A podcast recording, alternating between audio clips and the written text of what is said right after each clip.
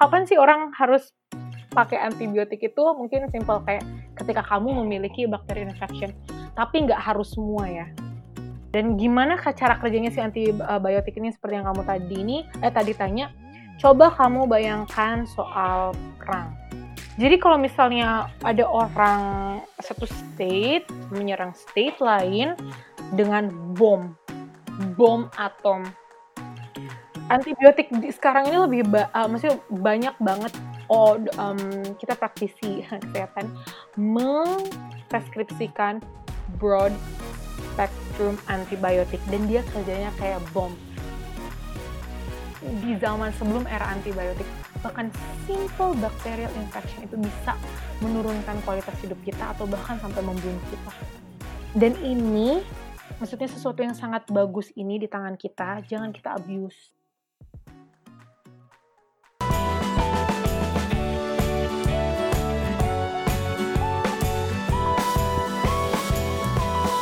Hai, gue Willy Yonas. Selamat datang di podcast Sehat Seutuhnya. Halo semua, selamat datang lagi di podcast Sehat Seutuhnya bersama saya Willy Yonas. Di episode podcast kali ini kita akan ngomongin salah satu topik yang cukup kontroversial, yaitu adalah antibiotik itu sebenarnya baik atau buruk untuk bakteri usus kita. Karena sekarang juga sudah makin banyak orang yang aware mengenai pentingnya bakteri usus kita atau yang dikenal sebagai gut microbiome atau gut microbiota. Dan banyak juga yang semakin sadar bahwa ada efek penggunaan antibiotik terhadap bakteri usus kita. Ini yang akan kita bahas secara mendalam di episode podcast kali ini. Bintang tamu kita untuk episode podcast kali ini adalah Dr. Agnes Cakrapawira, teman baik saya. Nah, beliau ini seorang dokter ya, tapi background beliau S1-nya itu adalah ternyata nursing atau keperawatan. Udah gitu memutuskan untuk menjadi seorang dokter, melanjutkan pendidikannya di Filipina. Dan sekarang pekerjaannya adalah medical writer. Ya, beliau adalah freelance medical writer di salah satu lembaga di Jakarta. Karena beliau adalah medical writer, knowledge-nya banyak banget karena kerjaannya sehari-hari kan bacain penelitian terus gitu dan salah satu yang banyak beliau baca dan kupas adalah soal antibiotik dan gut microbiome ini. Semoga teman-teman semua yang akan mendengar podcast ini akan mendapat informasi yang baru, informasi yang update dari Dr. Agnes ini dan saya sendiri sangat bersyukur saya sendiri banyak lagi belajar dari Dr. Agnes tentang hubungan antibiotik dan juga bakteri usus kita. Sebenarnya masih banyak banget yang dokter Agnes bilang kalau beliau itu belum membagikan ilmu yang sebenarnya lebih dalam lagi gitu di podcast kali ini. Makanya kita memutuskan kita akan membuat episode khusus untuk antibiotik saja. Jadi bakal ngebahas antibiotik lebih mendalam lagi dan juga bakal ngebahas gut microbiome lebih mendalam lagi di episode khusus. Jadi Semoga kalian mendapatkan sesuatu di episode kali ini tapi stay tune untuk episode tentang antibiotik dan gut microbiome yang fokus gitu. Jadi kalau hari ini kita bakal ngomongin apakah antibiotik itu baik atau buruk untuk bakteri usus kita atau gut microbiome. Semoga kalian enjoy. Selamat mendengarkan. Nah, uh, thank you banget nih uh, Dokter Agnes atas uh, willingnessnya mau sharing topik yang menurut aku penting banget juga ngomongin soal antibiotik dan bakteri usus atau yang dikenal juga gut microbiome gitu kan? Iya. Yep. Kayaknya gut microbiome tuh jadi apa ya sesuatu yang banyak banget diomongin kan belakangan dan kayaknya mulai ada concern juga soal antibiotik gitu. Tapi kita sebelum mulai ngomongin lebih detail, pertama-tama apa hmm. sih kak itu antibiotik? Nah, kalau kita bicara mengenai antibiotik ya, dari namanya aja tuh ya, dia tuh kan antibiotik atau sesuatu anti dari sesuatu yang hidup, anti dari sesuatu yang hidup. Tapi kalau misalnya dijelasin, maksudnya dalam penjelasannya, dia tuh adalah kelompok obat yang digunakan untuk mengatasi dan mencegah infeksi bakteri. Dia ada nama lainnya, antibakterial, antibiotik, antibakterial gitu. Okay. Kalau aku pecah, Dan, oh gimana gimana Will? Gimana lanjut dulu? Iya, jadi kalau misalnya antibiotik ini aku pecahin, dia kan sekelompok sekum sekelompok obat ya.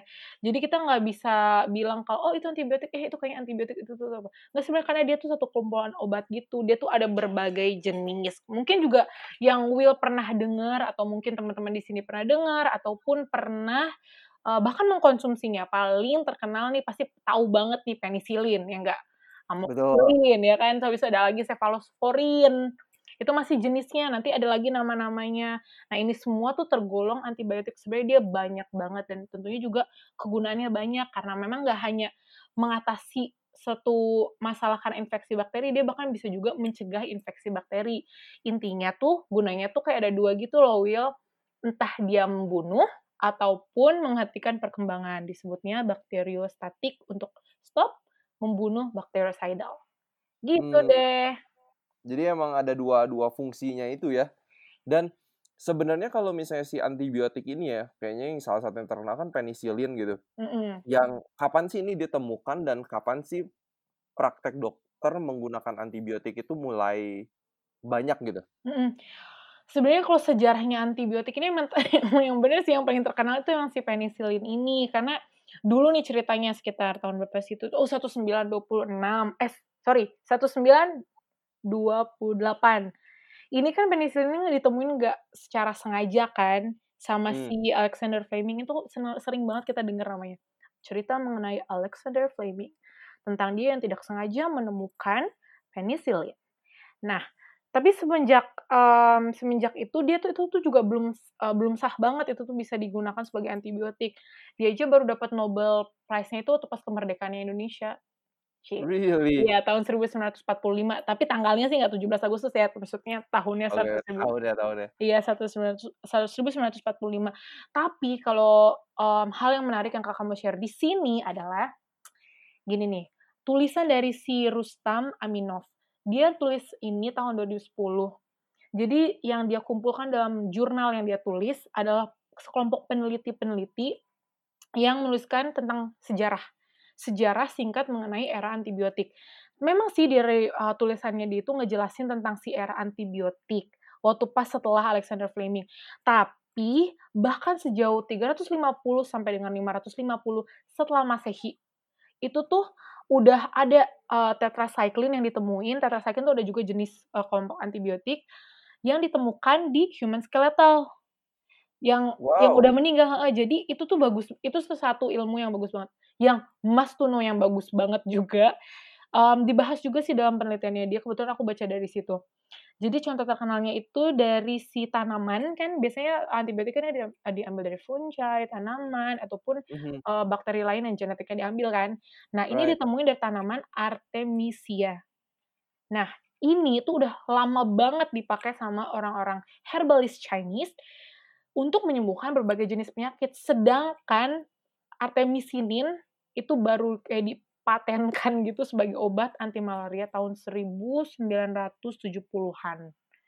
Gap-nya Gitu. jauh banget ya. Iya, makanya tapi eee, iya karena karena semenjak si Alexander Fleming ini tahu sebenarnya yang terkenal dari Alexander Fleming ini adalah caranya dia untuk tahu, "Oh, ternyata bakteri itu punya cell wall. Oh, ini kita bisa hancurin cell wall-nya." Gitu-gitu. Dulu tuh Mmm. orang mmm, dulu tuh orang cuman kayak, "Oh, ini obatnya bisa nyembuhin ini, ini kayaknya bisa nyembuhin ini." Tapi kayak nggak tahu gitu kan caranya. Tapi semenjak si cerita si Alexander ini, baru dia banyak banget antibiotik-antibiotik.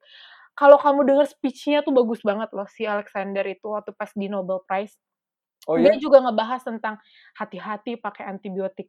Beneran, karena itu tuh bisa ngebentuk satu resistan lah, intinya gitu, tapi kata-katanya nggak gitu ya. Itu kata-kata aku di bu Heeh. bukan disa eee, di dibedakan. Tapi intinya kayak gitu.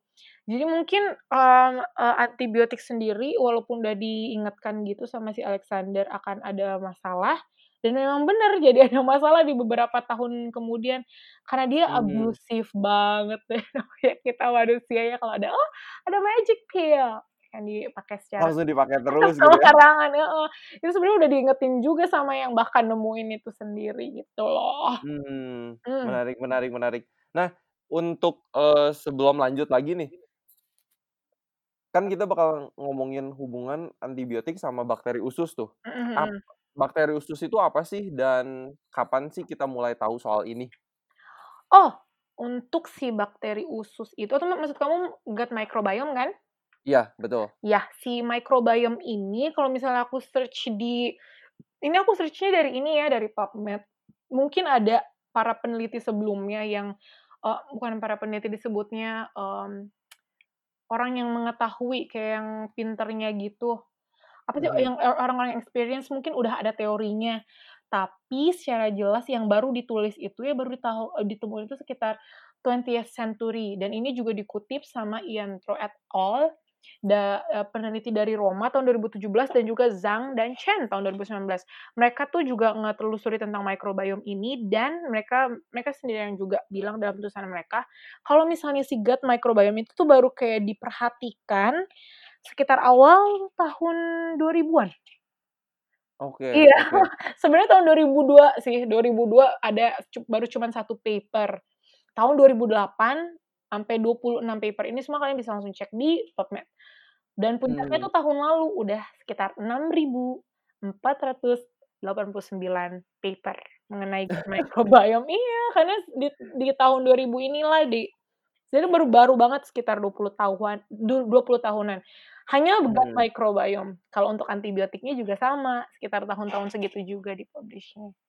Mmm. Mhm. Oke oke, ini ini bakal seru banget nih, soalnya gut microbiome juga maksudnya 20 tahun research itu bisa dibilang juga masih banyak banget yang kita nggak tahu gitu kan. Mhm, betul betul Dan banget. dan kalau, eee, ngomongin gut microbiome gitu, bakteri-bakteri dari di organ pencernaan kita kan dari mulut sampai ujung lainnya juga ada bakteri semua gitu kan. Mhm Nah, mhm. tapi kadang persepsi orang kan bakteri itu sesuatu yang jorok, sesuatu yang kotor. Mhm Nah, mhm. tapi sebenarnya berapa besar sih peran bakteri ini, eee, untuk pencernaan kita gitu? Kayak bisa nggak sih kita hidup tanpa mereka sebenarnya? Ini sebelum kita, eee, ngebahas tentang kegunaan mereka, ini aku mau share dulu karena memang bener persepsi orang tuh soalnya kan bilangnya kan bakteri kan, dan ini juga Betul. nggak a heeh, dan nggak hanya di, mmm, bisa kita salahin karena namanya bakteri juga. Karena ini udah jadi stigma gitu lah, kalau misalnya, "Ih kotor, bakteri, pasti sakit." Bikin infeksi lah, habis itu kadang juga, eee, bukan eee, bukan mau nyalahin sepenuhnya, tapi karena memang ada benar namun ada salahnya.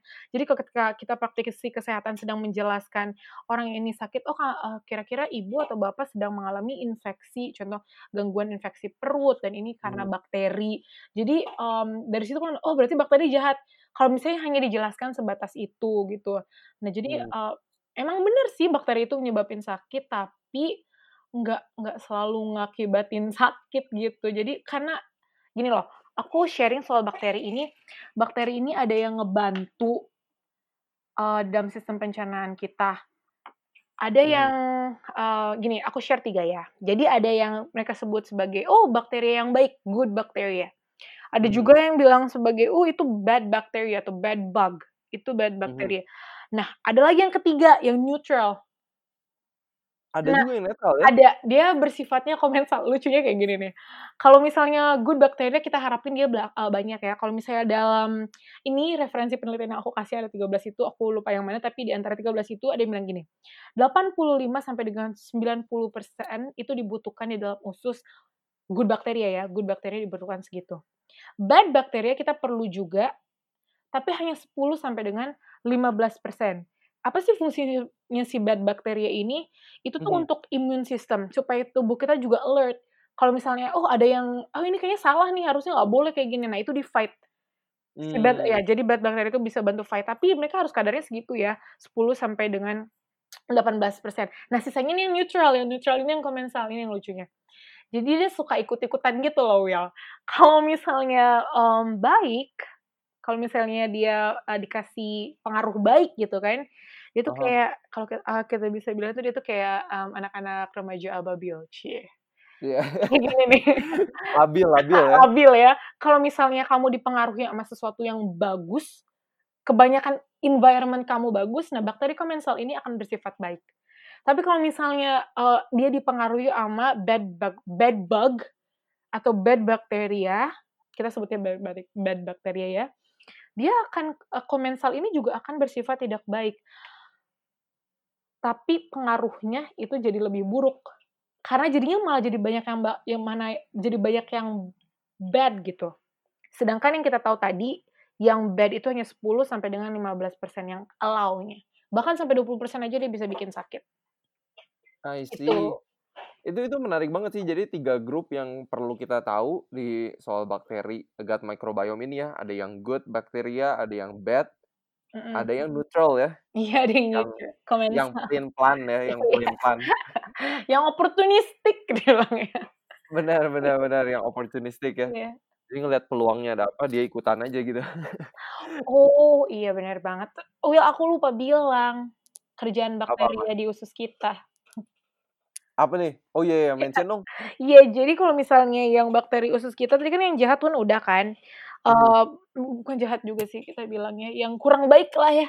Kurang baik. jahat itu sangat Cuma negatif. kita butuhkan juga gitu Iya, kan. kita butuhin juga. Jadi kalau misalnya untuk yang baik ini, dia fungsinya sangat sangat mulia sekali, karena dia bantu mencerna makanan. Jadi di dalam tubuh kita ini, ada beberapa jenis karbohidrat yang nggak bisa kita cerna kalau misalnya nggak pakai enzim dari si, eee, my eee, bakteria itu. Jadi dia Hmm. bantu-bantu pecah-pecah. Itu menurut Clarke ya, tahun 2019, dia sama teman-temannya meneliti memang soal, eee, pem eee, bakteri yang jago untuk memecahkan eee, maksudnya bakteri-bakteri khusus untuk, eee, memecahkan karbohidrat. Itu khususnya Hmm. polisakarida. Habis itu ada lagi nih yang lain, mmm penyerapan mineral juga mereka bantu. Itu tuh ada gambar lucunya gitu tuh sebenarnya kalau kamu eee, kalian bisa bayangkan, ini juga untuk mudah diingat. Jadi mereka tuh Hmm. bantu pecah-pecah makanan itu jadi apa, jadi, eee eee, jenis kecil, apa tuh, eee, short short chain fatty acid. Mhm. Ya itu mereka pakai ju itu kan perlu buat kita, kalau misalnya nggak dipotong, nggak akan bisa kita mempergunakan itu. Kayak asam asetat, asam propionat, banyak deh asam. Oh, asam biturat juga. Itu. Hmm. Terus vitamin juga. Vitamin, mineral. Vitaminnya biotin, folat. Ini semua membantu penyerapan unsur makanan. Ini Ohara ya yang meneliti tahun 2006 sih, ama Hmm. agak agak lama kalau misalnya yang yang untuk magnesium, kalsium, sama zat besi. Tapi kalian bisa cek lagi untuk yang lebih barunya. Gitu deh. Nggak Nice, hanya tapi itu, banyak. Apalagi nih? Sebenarnya banyak banget ini aku. Kayaknya apa ya, kalau kemarin yang, eee, maksudnya pas aku udah mulai baca-baca soal gut microbiome ini kan kayak jumlah mereka itu jauh melebihi dari jumlah sel manusia tubuh Iya. kita gitu kan. Jadi kayak makin banyak orang yang mikir kayak, kita tuh sebenarnya badan kita yang ngontrol gut microbiome atau gut microbiome yang ngontrol kita gitu.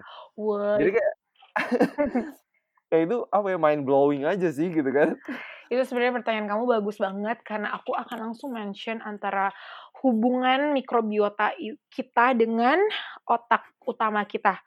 Malah yang lebih di mmm, istilah aksis ini atau gut brain axis lebih banyak dikenal dengan second brain. Hmm. Mikrobiota kita itu sangat mempengaruhi sifat sifat kita. Bahkan sampai sifat loh. Cara Really? kita heeh, cara kita mengambil keputusan. Karena gini, kalau singkatnya atau mudah dimengertinya gini, kalau misalnya perut kita irritable kalau perut kita irritable, itu pasti sifat kita juga irritable. Betul sih. Iya, itu itu itu gampang a gampangnya. Tapi, mmm, kalau misalnya mau di e in depth, eee, kita mau bahas tentang itu, mmm, si saraf kranial yang ke-10 yang disebut dengan vagus nerve, itu memang langsung nempel nggak hanya ke perut kita, tapi juga di paru-paru. Nanti mungkin kita bisa bahas tentang, eee, gut lung axis, tapi yang pertama kita mau bahas tentang yang gut brain axis ini ya. Jadi dia Hmm. memang langsung nempel ke si, mmm, si ini, si sistem pencernaan. Jadi kalau itu, eee, irritable, ini sarafnya juga jadi irritable. Kalau itu jadi irritable sampai ke atasnya juga udah jadi nggak enak. Dan nggak cuman itu doang ya, si gut microbiota ini kalau aku mau share ya ada nih 2 nih. Tapi kayaknya aku nggak tulis di 13 itu, Will. Ini aku nemuin baru, eee, kemarin Oke. malam mhm. Jasarevic Rogers, dia ngebahas tentang neurodevelopment. Ini dia tulisnya tahun 2015. Ini bagus banget. Kalau aku saranin baca lebih dalam lagi nih bagus. Habis itu to Mhm. Tochi Tani. Nah, mereka tuh ngebahas mereka berdua ya, ngebahas tentang si maternal gut microbiota. Ini maternal ya, untuk ibu hamil. Hmm. Jadi, eee, ibu hamil dan anak. Isi dari penelitian mereka ini gini, mikrobiota saluran cerna maternal dilaporkan mempengaruhi perkembangan mikrobiota si anak, neurodevelopmental, dan perilaku anak. Jadi pemberian antibiotik itu sangat-sangat mempengaruhi normal flora saluran cerna ibu kan pertama, karena itu langsung dimakan sama dia dan itu mempengaruhi mikrobiotanya. Dan waktu pas keluar anak itu, atau maksudnya waktu pas lahiran, waktu keluar, hah. waktu pas, mmm, perinatal, waktu pas lahiran, mmm, itu akan menyebabkan pengaru eee, maksudnya itu akan mempengaruhi mikrobiotanya si anak ini. Jadi yang pengaruh dari mikrobiotanya adalah si neurodevelopmental-nya si anak, dan juga perilakunya si anak. Padahal kalau kita trace masalah awalnya itu kenapa coba perkembangannya itu kan gara-gara ibunya minum antibiotik waktu pas hamil. Wow, itu Gitu. itu sampai Kira segitunya ya efeknya ya? Iya.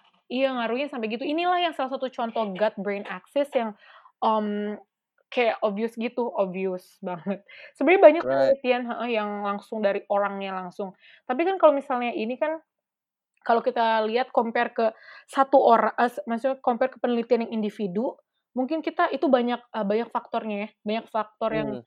mmm, bisa mempengaruhi orang itu dengan mikrobiota dan perilakunya ketika sudah dewasa, itu banyaknya. Tapi ini Mmm. kan anak yang baru lahir gitu. Right, karena itu Iya. depend sama ibunya banget kan? Yes, dan ini cuma dipengaruhi kalau mamanya, mmm, mengkonsumsi antibiotik saat hamil. Oke, ini seru nih, kayaknya Tuh. ini topik bakal di di kita bahas juga lebih dalam nih, Yap. kayaknya. Dan kalau tadi, ak Dokter Agnes sudah mention nih ada hubungan bakteri usus kita atau gut microbiome langsung banget ternyata sama otak kita gitu, Mhm. dari yang vagus nerve itu ya. Mhm mhm. Tapi ternyata ada hubungannya juga sama paru-paru ya, gimana tuh? Iya nih. Jadi para peneliti dari, mmm, eee, se ahli paru, mereka juga jadi kepo sama orang-orang yang meneliti di perut juga, karena mereka bilang, "Loh kan, eee, mikrobiota" memang sih mikrobiota di usus tuh memang paling banyak, tapi, nggak cuman itu doang, ternyata memang mikrobiota itu ditemukan nggak hanya di perut aja, tapi juga di kulit, di saluran pernafasan, dan di bahkan di Mmm. daerah genital, atau bahkan ada juga di mata, itu juga ada mikrobiotanya di situ. Mmm. Jadi, mmm, di sini di lung gut axis ini mereka jadi kepo, "Oh berarti kalau misalnya kalian memperbaiki, mmm, si memperbaiki si mikrobiota di dalam perut, apakah itu juga akan memperbaiki yang di di ini, di di di paru?" Mmm. Dan ternyata memang iya, ini penelitiannya sih baru banget nih di-publish tahun 2020 Februari. Ini aku baca dari si Ennard Art dan kawan-kawan mengenai lung gut axis dengan respiratory disease. Jadi kalau misalnya kita Mmm. bisa bikin chill si, eee, mikrobiota ini kan juga mengatur imun ya, Will. Mhm. Eee, makanya kalau misalnya di, eee, gut brain axis itu banyak banget autoimun autoimmune ya maksudnya penyakit-penyakit seperti autoimun atau diabetes dan multiple sclerosis di remaja, itu karena disebabinnya karena, eee, mungkin kita akan bahas itu nanti di antibiotik ya. Tapi Mmm. si eee, jadi di lung gut axis ini, dia ngaruhnya karena di sistem imunnya kadang ber berlebihan. Dia kan kayak penyakit asma. Hah. Asma kan itu salah satu, eee, penyakit yang karena reaksi tubuh kita tuh berlebihan. Right. Dan mereka meneliti tentang itu dan memang ada pengaruhnya. Kalau mereka bikin chill mikrobiota yang di dalam perut, mikrobiota-mikrobiota yang lain seperti halnya di paru, lung gut eee, lung gut axis ini akan juga chill. Wow, mungkin ini ini menarik nih, mungkin ini bisa jadi treatment asma di kemudian hari kali ya, kan biasanya pakai inhaler terus kan. Iya. Tapi kalau Iya misalnya iya. I don't know, dikasih prob makanan probiotik atau ya di apa ya, dikasih bakteri-bakteri yang emang badannya membutuhkan gitu, kayaknya Kayaknya know, is mungkin kalau cool. kalau kalau kayak kayak gitu hipotes hipotesanya memang possible, Will. Berarti kamu Mmm. bisa lihat ada hubungan langsung kan. Tapi, eee, kalau untuk treatment ya mungkin lebih daripada itu kali ya. Mungkin nggak hanya itu, tapi bisa membantu untuk men-treat asma kali ya. Right right Iya, right. heeh Ya ini hipotesis ya, hipotesis, Iya. pemikiran. Iya iya, tapi Soalnya itu kan kalau bener. kalau apa sih, kalau yang aku denger juga kan kalau kayak di Eropa gitu udah ada fecal transplant kan. Mhm mhm. Oh kamu udah sempat baca tentang fecal transplant, padahal takut nih itu. Soalnya takutnya orang kayak, "Eh, eee, what? Fecal transplant?" Iya, bener bener, itu tuh dipakai untuk ini di luar suatu tanah, tapi itu dipakai untuk, mmm, treatment untuk orang diabetes. Mmm. Iya, karena Right right right. orang dengan anti orang dengan diabetes itu mik mikrobiotanya tuh bener-bener sangat berbeda dibandingkan orang yang, eee, maksudnya dia, eee, ini ya, punya, eee, punya eee, lifestyle yang bagus. Karena kita nggak bisa Mmm. bilang juga orang ini, mmm, "Oh dia normal weight," tapi kalau lifestyle-nya nggak bagus juga mikrobiotanya nggak bagus. Jadi orang-orang yang pakai fecal transplant itu bener-bener orang-orang yang kayak contoh, they follow eee, they eat good food, yang basically they they exercise, and they don't eat things that are not supposed to be called food, gitu. Right Iya, right, bener bener bener bener bener di bener. bener-bener disaring banget itu fecal fecal Bener transplant bener. Jadi ini buat, eee, pendengar podcast yang belum terlalu paham fecal transplant basically kayak itu tuh apa ya, pup dari orang yang sehat, Mhm. yang bakterinya bagus komposisinya, terus dikasihin, ditransfer ke orang yang, eee, komposisi bakteri ususnya tuh terganggu gitu. Jadi, Iya. ini seru sih mungkin nanti kita bakal punya episode khusus ini juga, very Iya. interesting. Iya iya, untuk khusus untuk si perutnya itu, untuk si microbiome-nya. Right right right. Nah, ada lagi nggak yang mau di-mention, eee, fungsi dari gut microbiome buat tubuh kita sebelum kita move on ke Ah, penggunaan antibiotik? iya, mungkin yang mau aku share sendi mungkin kalau aku mau share sedikit adalah mengenai, eee, untuk mengatur sistem imun ini loh. Karena banyak yang Mmm. mikir kayak, "Oh, eee, imunitas ini kalau eee, imunitas ini kan" sebenarnya dia kayak terkesan se eee, simpel kayak, "Oh imunnya kan oh imunnya harus digedein, imunnya harus diperkuat," gitu. Mmm. Oh, jadi kesannya tuh kayak, ha sebenarnya sepele, bisa dibilang sepele, tapi orang bisa berpikir sangat kompleks kayak, "Ah, ya udahlah imun gu em imun gue tuh emang nggak bagus gitu, gue tuh emang gampang sakit." Contoh kayak gitu, misalnya Mmm. kayak, "Ya gue gue pokoknya ya emang dari kecil tuh suka sakit-sakitan." Contoh orang tuh banyak, eee, excuse kayak gitu.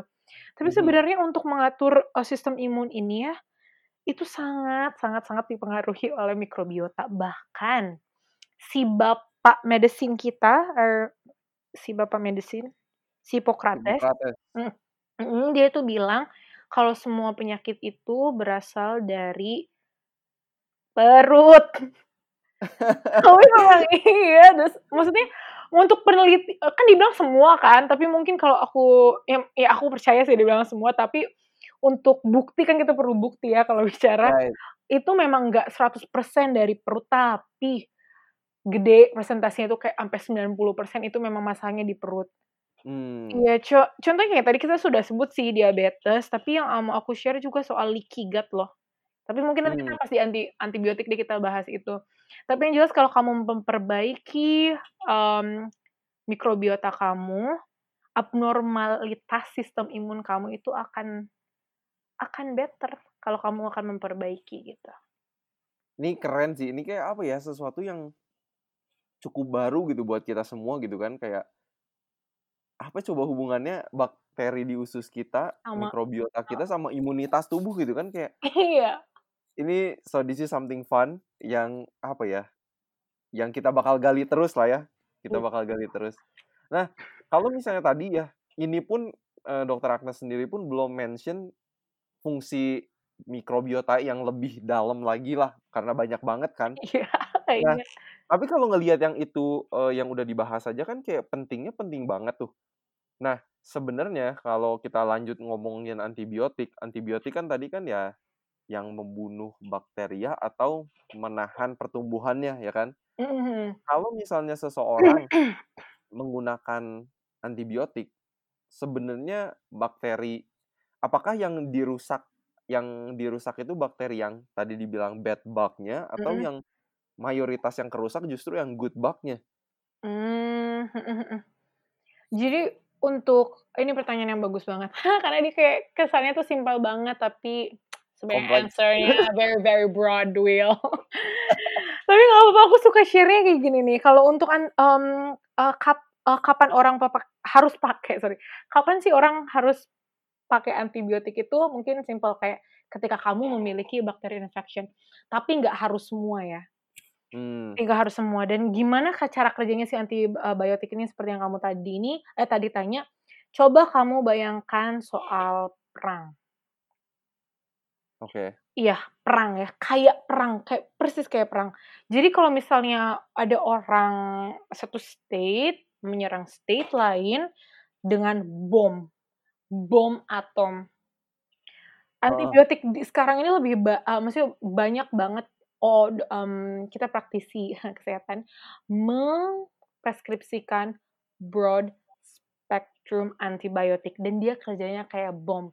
Gimana aku maksud maksudnya gimana sih maksudnya aku dengan bilang bom, karena dia kayak gini, you know, ka ketika bom itu dijatuhkan di satu tempat, dia nggak hanya bunuh bad people, right? It also Right kills right. innocent people. Ya, dan nggak hanya membunuh orang-orang yang baik saja dan yang jahat, it also destroy the land. Bener nggak? Mmm, wow, bener sih. Jadi itu kayak, ya memang kalau kita minum antibiotik khusus yang broad spectrum antibiotik itu dia kayak perang di dalam mmm, di dalam sistem pencernaan kita karena dia ngebunuh yang baik, dan dia juga ngebunuh yang jahat, dan ju juga menghancurkan usus kita. Karena apa yang terjadi waktu pas usus kita kena bom ini dia akan menciptakan, mmm, ti microscope very very s kecil kecil-kecil banget, hah. mmm, yang halus tapi dia bikin bolong, Will. Jadi Kayak kawah? pokoknya dia dia semakin kamu sering pakai antibiotik, apalagi yang, mmm, ngerusak usus kamu, itu, eee, kamu akan develop yang namanya leaky gut. Dan leaky gut adalah source orang-orang itu sensitif sama makanan-makanan tertentu. Mmm, jadi kayak Gitu.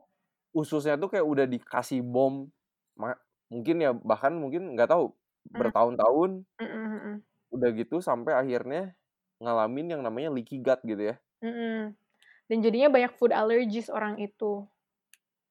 Wow, sampai Iya. segitunya ya efek maksudnya bisa sampai segitunya gitu ya? Iya, soalnya kadang broad spec eee, kadang kan agak rancu gitu ya, mmm, orang datang orang datang ke dokter gitu, eee, "Permisi Dok, aku 1 hari ini, mmm, sakit kepala, pusing," gitu, "tapi, eee, perut aku nggak enak." Terus ditanya, "Gimana, kamu ada masalah dengan pencernaan nggak?" "Ada nih, mual," gitu ya.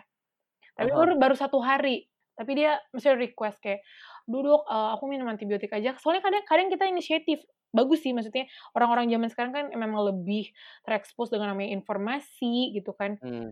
Eee, jadi lebih kayak menyarankan, "Aduh deh Dok, aku minum antibiotik aja biar cepet," gitu. Nanti dokter itu pasti akan men eee, pasti akan mempertimbangkan treat opsi treatment-nya dia kan, jadi, "Oh iya, kasih aja antibiotik."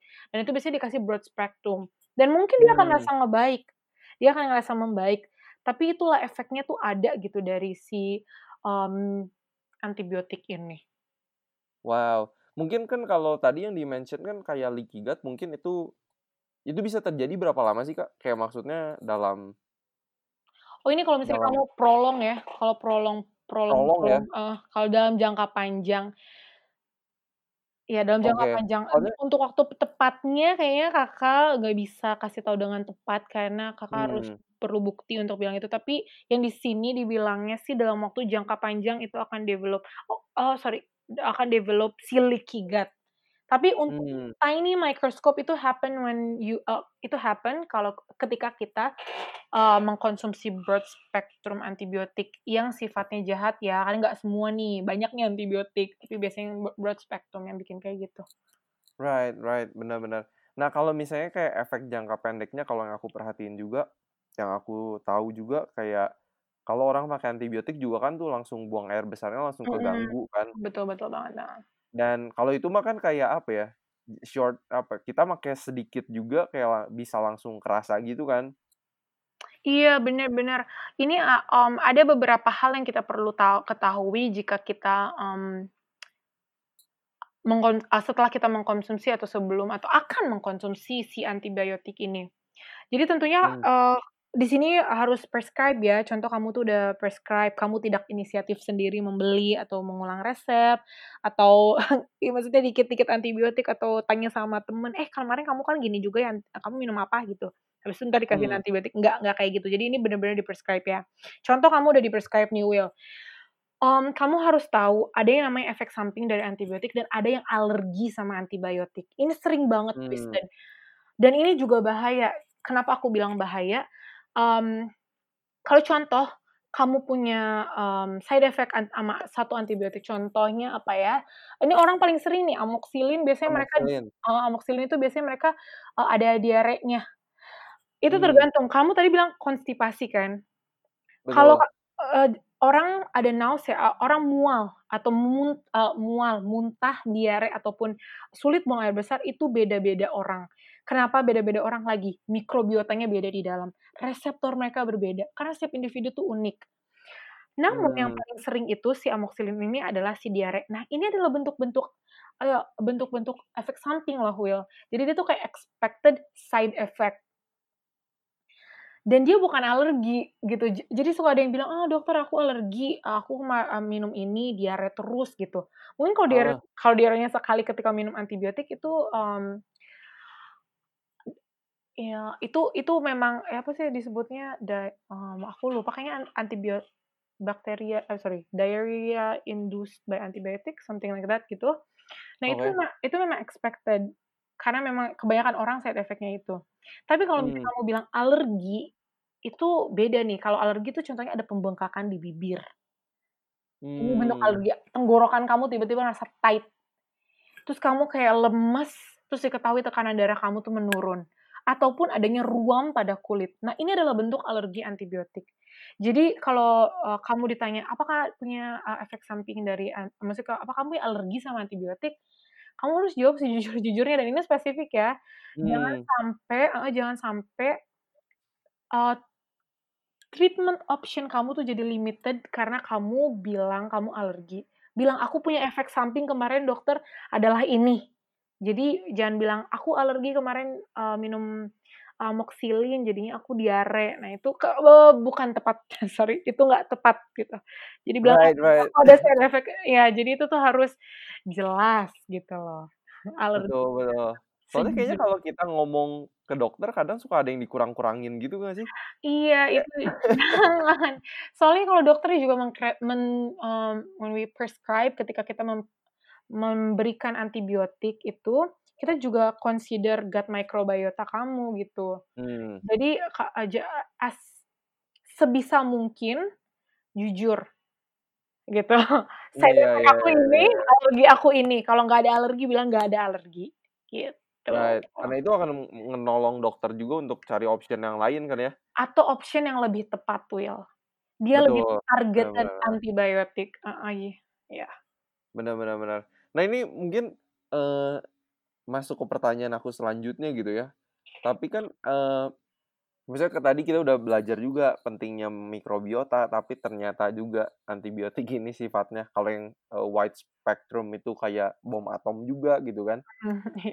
Nah, gimana sih, eee, bijaksananya kita untuk menggunakan antibiotik? Soalnya kan kayak yang kayak tadi dokter Agnes sendiri bilang kayak, kadang orang langsung malah suggest dokternya gitu, "Dok, kasih aku antibiotik aja dong," gitu kan. Jadi Iya. kayak kita yang minta, apa ya, resep aja gitu ke dokter kan. Sedangkan emang betul ada penyakit-penyakit yang emang atau kondisi yang kita but membutuhkan antibiotik. Jadi gimana sih bijaksananya? Mmm, bijaksananya sih kita harus appreciate ya, appreciate ini antibiotik pertama. Mmm, mungkin ini untuk yang kita ketahuin dulu ya, untuk praktikalnya aku akan kasih tahu setelah ini. Untuk kita kas Mmm. eee, untuk yang kita perlu ket eee, ketahui, kita tuh bersyukur banget loh kita hidup di zaman ini dan bukan hidup di zaman sebelum era antibiotik. Kalau kita Mmm. hidup di zaman sebelum era antibiotik, bahkan simple bacterial infection itu bisa menurunkan kualitas hidup kita atau bahkan sampai membunuh kita. Mmm. Dan ini, maksudnya sesuatu yang sangat bagus ini di tangan kita, jangan kita abuse kalau bisa. Nah, untuk praktikalnya nih ya, mmm jangan ini, eee, gimana ya bilangnya, eee, baik-baik dalam menggunakan antibiotik gitu. Ingat kalau misalnya antibiotik ini digunakan hanya untuk bakteri infeksi aja ya, maksudnya infeksi yang disebabkan oleh bakteri, bacterial infection. Jadi kalau misalnya Mmm. kamu ngerasa kayak, eee, ini nih yang paling sering nih, batuk, demam, sama sakit kepala. Biasanya orang Mmm. datang ke si eee, ke dokter kan karena ini, terus langsung minta antibiotik. Tapi mau tahu nggak aku kasih tahu rahasianya obat dari itu tuh apa? Obat Apa? dari panas, batuk, dan flu itu sebenarnya adalah air hangat tidur cukup, dan good food. Jadi bukan Yes. antibiotik. Jadi Kayaknya bukan kalau antibiotik. Iya iya, bener. Soalnya mungkin kayak kalau yang kayak kayak Dokter Agnes bilang kan tadi kayak demam, mmm, terus kayak batuk. Padahal kan kayak demam pun itu bisa disebabkan oleh banyak banget, eee, Hal. hal gitu kan. Tapi Mhm. kayak orang suka tiba-tiba kayak, eee, kayaknya ini bakteri deh gitu kan, langsung aja minta antibiotik gitu. Iya, biasanya sih orang kayak, "Oh ini ini perlu, kayaknya ini perlu antibiotik deh, gue kemarin minum antibiotik ini sembuh kok." Kayak gitu deh, Will. Mungkin, mmm, untuk praktikalnya gimana caranya supaya kita lebih bijaksana dalam menggunakan antibiotik, pertama gini, eee, kalau kamu ngerasa sakit, itu kalau bisa kamu, lakukan yang tadi aku bilang dulu. Pertama, kamu istirahat. Coba untuk memperbaiki pola tidur kamu, mungkin karena kamu hanya kecapean aja, ja ataupun kalau Mmm. misalnya batuk, minum aja air anget. Kalau misalnya memang itu sampai berhari-hari, ya nggak mungkin kan aku nggak saranin kamu untuk ke dokter dan minum antibiotik. Nah, di Mmm. situlah baru kamu menggunakan antibiotik, dan ini juga harus yang diresepkan. Jangan Mmm. pernah inisiatif sendiri untuk memin eee, meminumkan a meminum antibiotik, karena ingat, antibiotik ini tuh nggak hanya, mmm, membunuh, eee, bakteri yang jahat ya, ini maksudnya aku ngomongin soal broad a broad spectrum. Karena kadang orang juga nggak kadang aku juga nggak harus lihat nih label-nya, mana yang broad spectrum, mana yang lebih targeted. Itu kadang aku masih Mmm. harus lihat. Nah, apalagi kalau misalnya orang yang inisiatif kadang-kadang belinya kayak, "Oh udah ini aja, ini yang kemarin ini aja ini ya." Itu jangan. Karena sayangilah si usus kamu yang gunanya banyak banget sebagai imun, untuk, eee, bahkan sampai kepada, mood hati kamu, gitu ya. Mmm. Oh, kita belum bahas tadi ya, itu tuh ngebu mmm, gut microbiota ini juga ngeproduksi serotonin. Gut sih maksudnya, gut itu memproduksi serotonin. Jadi kamu memang kalau mood kamu senang ya, itu karena produksi hormon bahagia yang dikeluarin di situ. Nah, ini kan bisa kecegah dengan sangat mudah oleh karena antibiotik. Itu satu, Mmm. jangan ngulang resep. Itu udah ya, jangan mengulang resep. Oke. Sama jangan dikit-dikit antibiotik dikit-dikit antibiotik, karena kan cepet kan memang kalau antibiotik ini fungsinya. Right right. Ya tapi jangan dikit-dikit antibiotik karena, mmm, nggak semua penyakit perlu antibiotik. Nggak bisa Mmm. kok ada beberapa penyakit yang bisa sembuh, eee, tanpa menggunakan antibioit antibiotik. Bacterial Mmm. infection ya aku ngomongnya, tapi memang butuh waktu dan pastikan kalau imunitas kamu tuh memang mantap alias top chair. Kalau enggak ya memang kamu butuh Right. butuh bantuan. Sama setelah itu semua jangan lupa kamu harus mengubah pola hidup kamu, karena kita sakit itu juga kan karena kita, kadang most of the Mmm. time. Right Gitu right right. loh.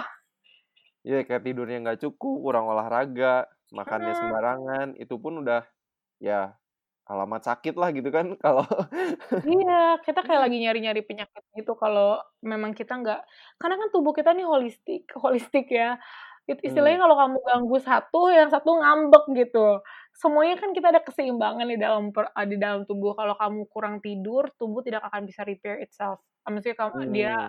dia tidak akan memperbaiki organ-organ yang lain udah capek seharian, nanti tuh pasti akan kesel gitu organnya kayak, "Ih, gue mau istirahat," gitu. Jadi bikin Right sakit. right. Atau enggak kayak ada karena imun kita rendah, karena kita stres, itu bisa stres, eee, maksudnya imun kita rem rendah, terus kita masuk virus, jadi demam. Eh, Mmm. kualitas hidup kita jadi menurun, contohnya kualitas hidup maksudnya aku bilang tuh kayak, oh kamu tiba-tiba jadi nggak bisa kerja 3 hari gitu. Mmm. Dan itu Gitu. nanti ngefek ke ekonomi, ekonomi bikin kita stres lagi lagi kan. Ah, betul kan, jadi hanya muter di situ-situ aja. Jadi emang. Yang advisable itu tuh supaya kita tuh menjaga pola hidup gitu loh. Mmm. Benar benar benar. Makanya I love apa ya, kenapa aku namain juga ini sehat seutuhnya karena emang, ya harus utuh gitu kan. Betul Karena, sekali. kayaknya nih nanti nanti kita bakal bikin episode lain lagi nih, seru juga. Kemarin tuh aku baca, Mhm mhm. bagaimana kan kalau tadi kita mention-nya kayak gut microbiota kita mempengaruhi otak gitu ya. Mhm mhm. Tapi yang aku baca juga kalau kita stres, kayak penelitiannya tuh kayak, eee, orang-orang mau ujian, Mhm terus mhm. microbiome-nya dites, dan itu Iya. juga berubah gitu kayak, Iya. what? Iya, itu bener banget itu bener banget. Aku kayaknya ada deh penelitian itu, aku lupa tahun berapa tapi aku ingat itu oleh si Jaka et Jaka et al. Jaka dan ka dan kawan-kawan. Itu mengenai, mmm, iya kayak se kayaknya serupa gitu deh, Will. Jadi kayak, kalau kamu kan ini kan eee, orang yang mau ujian kan. Heeh. Kalau ini ya kebalikannya jadi MRI gitu. Jadi, mmm, mereka di dihadap Distimulasi. eee, distimulasi terhadap stres oleh gambar ya. Jadi kayak mereka ditunjukkan gambar-gambar yang bikin mereka stressful, itu mere mikrobiota mereka kacau. Kacau Wow, juga. ini oke Iya. ini ini bakal jadi another episode nih. Ini ini seru.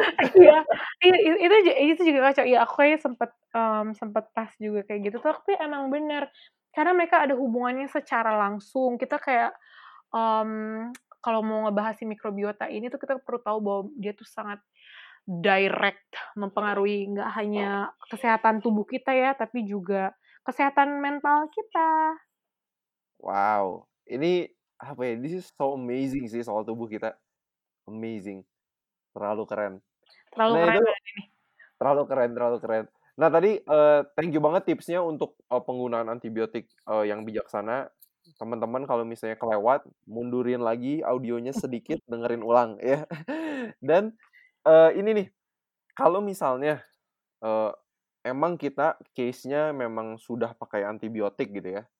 Nah Mhm. gimana sih supaya kita bisa mengembalikan bakteri-bakteri yang sudah dibom itu, Mhm supaya balik lagi dan kita imunitasnya sehat lagi, mood kita juga bisa lebih bagus, gimana nih? Jadi gini nih, kalau misalnya mau ngebahas, mmm, pertanyaan yang kamu, kita harus bayangkan garden. Atau Mmm. bayangkan mau bercocok tanam. Kalau kita mau memperbaiki sesuatu yang udah rusak, apa yang kita harus lakukan, kita bersihin dulu kan. Mhm. Nanti kita cabutlah yang ja eee, yang Rumput liarnya gitu. ya, rumput liarnya kita cabut dulu, baru kita harus bisa nanam yang bagus ya, gitu. Mmm. Nah di sini gimana caranya kita untuk mengembalikan keseimbangan bakteri, inget nggak yang tadi yang aku bilang, eee, 9 eee, sekitar 80, 80%? Ah hah. Eee, lipa 80 sampai kepada 90-an gitu ya. Hah. Eee, sorry 80 ke 90 itu kan harus yang baik. Betul. Yang menguntungkanlah kita bilang, yang merugi agak sedikit merugikan 10 sampai 15%.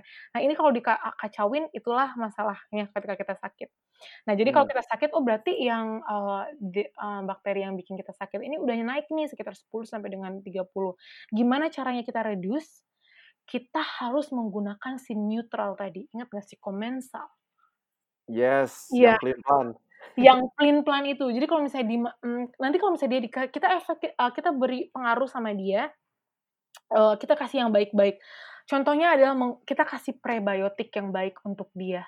Jadi makanan supaya dia Oke. bertumbuh menjadi semakin baik dan dia semakin senang, dia multiply jadi banyak, jadi senang dia. Mmm.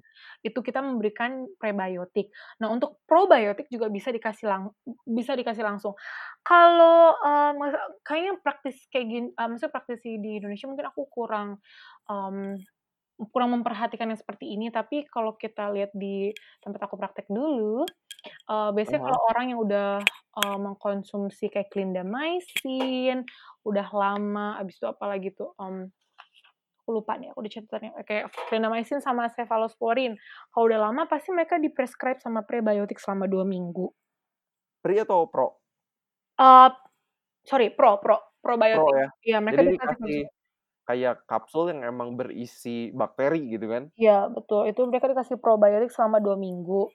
Mmm. Tapi di sini aku nggak nggak terlalu, eee, maksudnya mungkin nggak terlalu familiar atau nggak, mmm, nggak aku nggak sering lihat praktis itu terjadi. Jadi apa mungkin yang kita bisa lakukan kalau kita nggak di-prescribe probiotik sama dokter kita setelah pemberian antibiotik, apa Mmm. pun jenisnya, kita bisa konsumsi sendiri loh.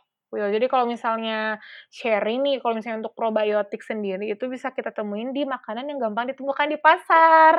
Contohnya, Contohnya? tempe, yeay. Yes, murah love banget lagi. tempe, yes. Sa atau enggak tape, ataupun acar. Itu kan Mmm, gamp oke. gampang banget kita buat ataupun, mmm, kita beli kita untuk gampangnya. Untuk, eee, yang lebih agak sosial sedikit, kamu bisa beli yogurt. Mmm. Yogurt, tapi ingat ya, yogurt yang bukan mengandung, mmm, maksudnya kayak pemanis buatan ataupun ada rasa-rasa lain, karena sugar juga dia menghibit eee, probiotik. Mmm, Ataupun I ada heeh, ataupun yang suka atau misalnya mampu beli kimchi, atau enggak bikin aja deh sendiri kimchinya. Aku sih aku sih terus terang aku nggak nggak bisa, tapi kimchi kimchi tuh it's a very good food. Mm, bagus banget Hmm. sih. Entah probiotiknya dari si vitaminnya bagus. Tapi kita juga ada tempe loh guys, jangan lupa. Itu untuk Yes, probiotiknya. yes. Kalau Kalau kalau aku prebiotiknya sering bikin ah, gimana? Gimana? aku kalau kalau tempe, aku sering bikin tempe smoothies. Udah pernah nyoba belum? What? Will? That? What's that? Apa itu? Tempe smoothies. Jadi eh, pakai frozen banana, pakai tempe, pakai kale, pakai strawberry yang frozen, pakai Wow, hilang nggak rasa tempenya? Maksudnya rasa hilang, eh, gue bilang maksudnya rasa kedelai yang direbus doang itu hilang? lumayan sih. Ya aku ya harus tambah kurma gitu-gitu kan. Oh, tapi kalau udah banana sih, kalau apalagi kalau udah m- mengkel Yang udah banget kan, overripe gitu kan. oh, Iya, pasti iya, nggak iya. akan kerasa. Itu kan banana kan raja ya. Cobain. Cobain deh. Ah, aku, aku mix berries aja. aku mix berries, tapi aku akan coba. Jadi um, kale sama tempe ya, smoothie ya. Kale, tempe, eh, terus strawberry biasanya. Terus aku kalau manisnya misalnya pakai dates, terus Mhm. tambah susu kedelai lagi dikit supaya cair kan. Oh iya, su- susu kedelai maksud kamu? Iya. Oh oke. Oh itu untuk probiotik ya. Untuk prebiotik lebih gampang, lebih accessible. Gimana tuh? Bawang putih, pisang, yang Yes. tadi kita sebutin. Sayur-sayuran hijau, kayaknya udah semuanya ada di smoothies kamu deh. Banana, sayur-sayuran hijau, tempe. Oh, that's a Will itu adalah probiotik dan prebiotik yang baik. Ataupun gampang nih, gampang banget gue cari di Bandung, bengkoang. Hmm, yes. Dan aku juga memberikan opsi untuk para sosialita. Asparagus. Asparagus itu juga bagus banget untuk prebiotik. Tapi Hmm. um, untuk yang repair gut kamu, um, coconut is good. Lemon bagus banget. Jahe ap- ataupun apple vinegar. Kalau misalnya bicara uh, ini ya pengalaman pribadi yang aku lebih prefer, mungkin kalau Will bisa jus uh, tadi, eh sorry smoothie tadi, itu wow banget ya. Tapi kalau aku ada yang suka jual itu loh, uh, Will kayak garlic yang tunggal. Terus habis itu yang mereka sudah campur dengan jahe dan apple vinegar. Itu biasanya aku minum um, satu kali tiga. Maksudnya satu kali tiga itu kalau satu hari aku minum antibiotik, aku akan minum ini selama tiga hari. Jadi kayak contoh aku Hmm. di prescribe 5 hari antibiotik, berarti aku 15 ya? 15 hari mi mi eee, minum si jus garlic yang isinya jahe dan sendiri vinegar. biasanya? Minum, ng ngebikin Will beli. Ada aku belum lihat ya. Ada ada dia, mmm, dia ini sih dia dijual, Will. Atau mungkin karena sekitar komunitas orang-orang sehat. Itu bisa mungkin untuk yang, eee, mau bisa tanya dari Will, nanti aku kasih tahu beli di mana. Aku nggak Boleh. promosi ya nih, cuman itu benar-benar ngebantu karena setiap antibiotik yang aku minum itu aku pasti nggak enak perutnya setelah itu. Makanya saya Hmm. kalau bisa nggak nggak minum sih. Sama, jangan mengkonsumsi makanan seperti ini selama setelah minum antibiotik. Ini adalah yang inflammatory food dibilangnya, kayak yang malah Hmm. bikin jadi nggak enak. Itu adalah jeng fast food. Right, fast food. Nom number 1. Iya. Yang harus dihindari banget ya. Iya, karena sa eee, udah, eee, perut kamu udah luka dan banyak banget dari fast food yang harus dipecah. Beratlah, berat tugasnya, kasihan. Habis itu ada right. fried food fried food. Gorengan. iya, kita bahas mulu tuh, Will. Goreng, Iya, bala-bala. gimana mhm, Eh. iya gitulah. Sama soda, itu juga jahat ya, guys. Sama refined sugar itu juga luar biasa jahatnya. Hmm. Itu deh, sama ya intinya yang diproses, apalagi proses meat. Mustahil. Nugget, sosis, I'm Iya. sorry. I'm sorry, guys. Off limits. Orang-orang yang baru mengkonsumsi antibiotik. Ataupun kita, kita jangan cari masalah juga kalau bisa ya. Ya mending mendingan dihindarin lah yang gitu-gitu. Yes, yes, yes. Iya. Mendingan, eee, lebih prefer untuk makanan-makanan probiotik dan prebiotik yang tadi ya. Mhm mhm. Tempe, tape, sayuran hijau, pokoknya ya lebih ke arah plant based lah ya. Iya. Iya, itu yang udah yang paling tepat yang bisa aku bilang, mengalihkan ke situ, plant based. Nice nice nice. Well, Dokter Agnes ini thank you banget knowledge yang dibagikan banyak banget, padat banget nih. Uh, buat teman-teman yang lagi dengar podcast mungkin bisa dengar episode ini bahkan berkali-kali. Kayaknya jadi nggak usah kuliah kedokteran dulu kan. Oke siap. baca aja yang banyak kayaknya bisa jago.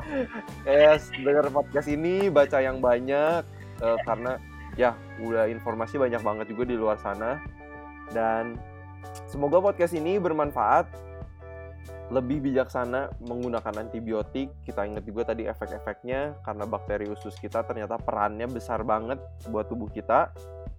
Nah, terakhir nih Kak, ada nggak pesan-pesan terakhir buat para pendengar sekalian? Mungkin singkat pesan-pesannya adalah ingat kalau antibiotik itu selain ada advantage-nya, ada juga disadvantage-nya. Jadi dengan kata-kata Will tadi gunakan secara bijaksana dan sebisa mungkin mulai sekarang jagalah kesehatan gut microbiome atau si gut mikrobiota di dalam perut kita karena gunanya nggak hanya di kesehatan fisik tetapi juga untuk kesehatan mental kita. Udah. Will. Well, ini uh, jangan sungkan-sungkan nanti kalau diundang lagi kita bakal ngomongin lebih banyak lagi. ini buat teman-teman, ini dokter Agnes mempersiapkan bahan-bahannya selama satu bulan. Wah, Aduh, Will, kamu buka kartu karena kamu bikin aku tegang. Jadi appreciate the the the knowledge ya. Mantap. Oke, well sampai nanti harapan saya seperti biasa semoga kita sehat seutuhnya.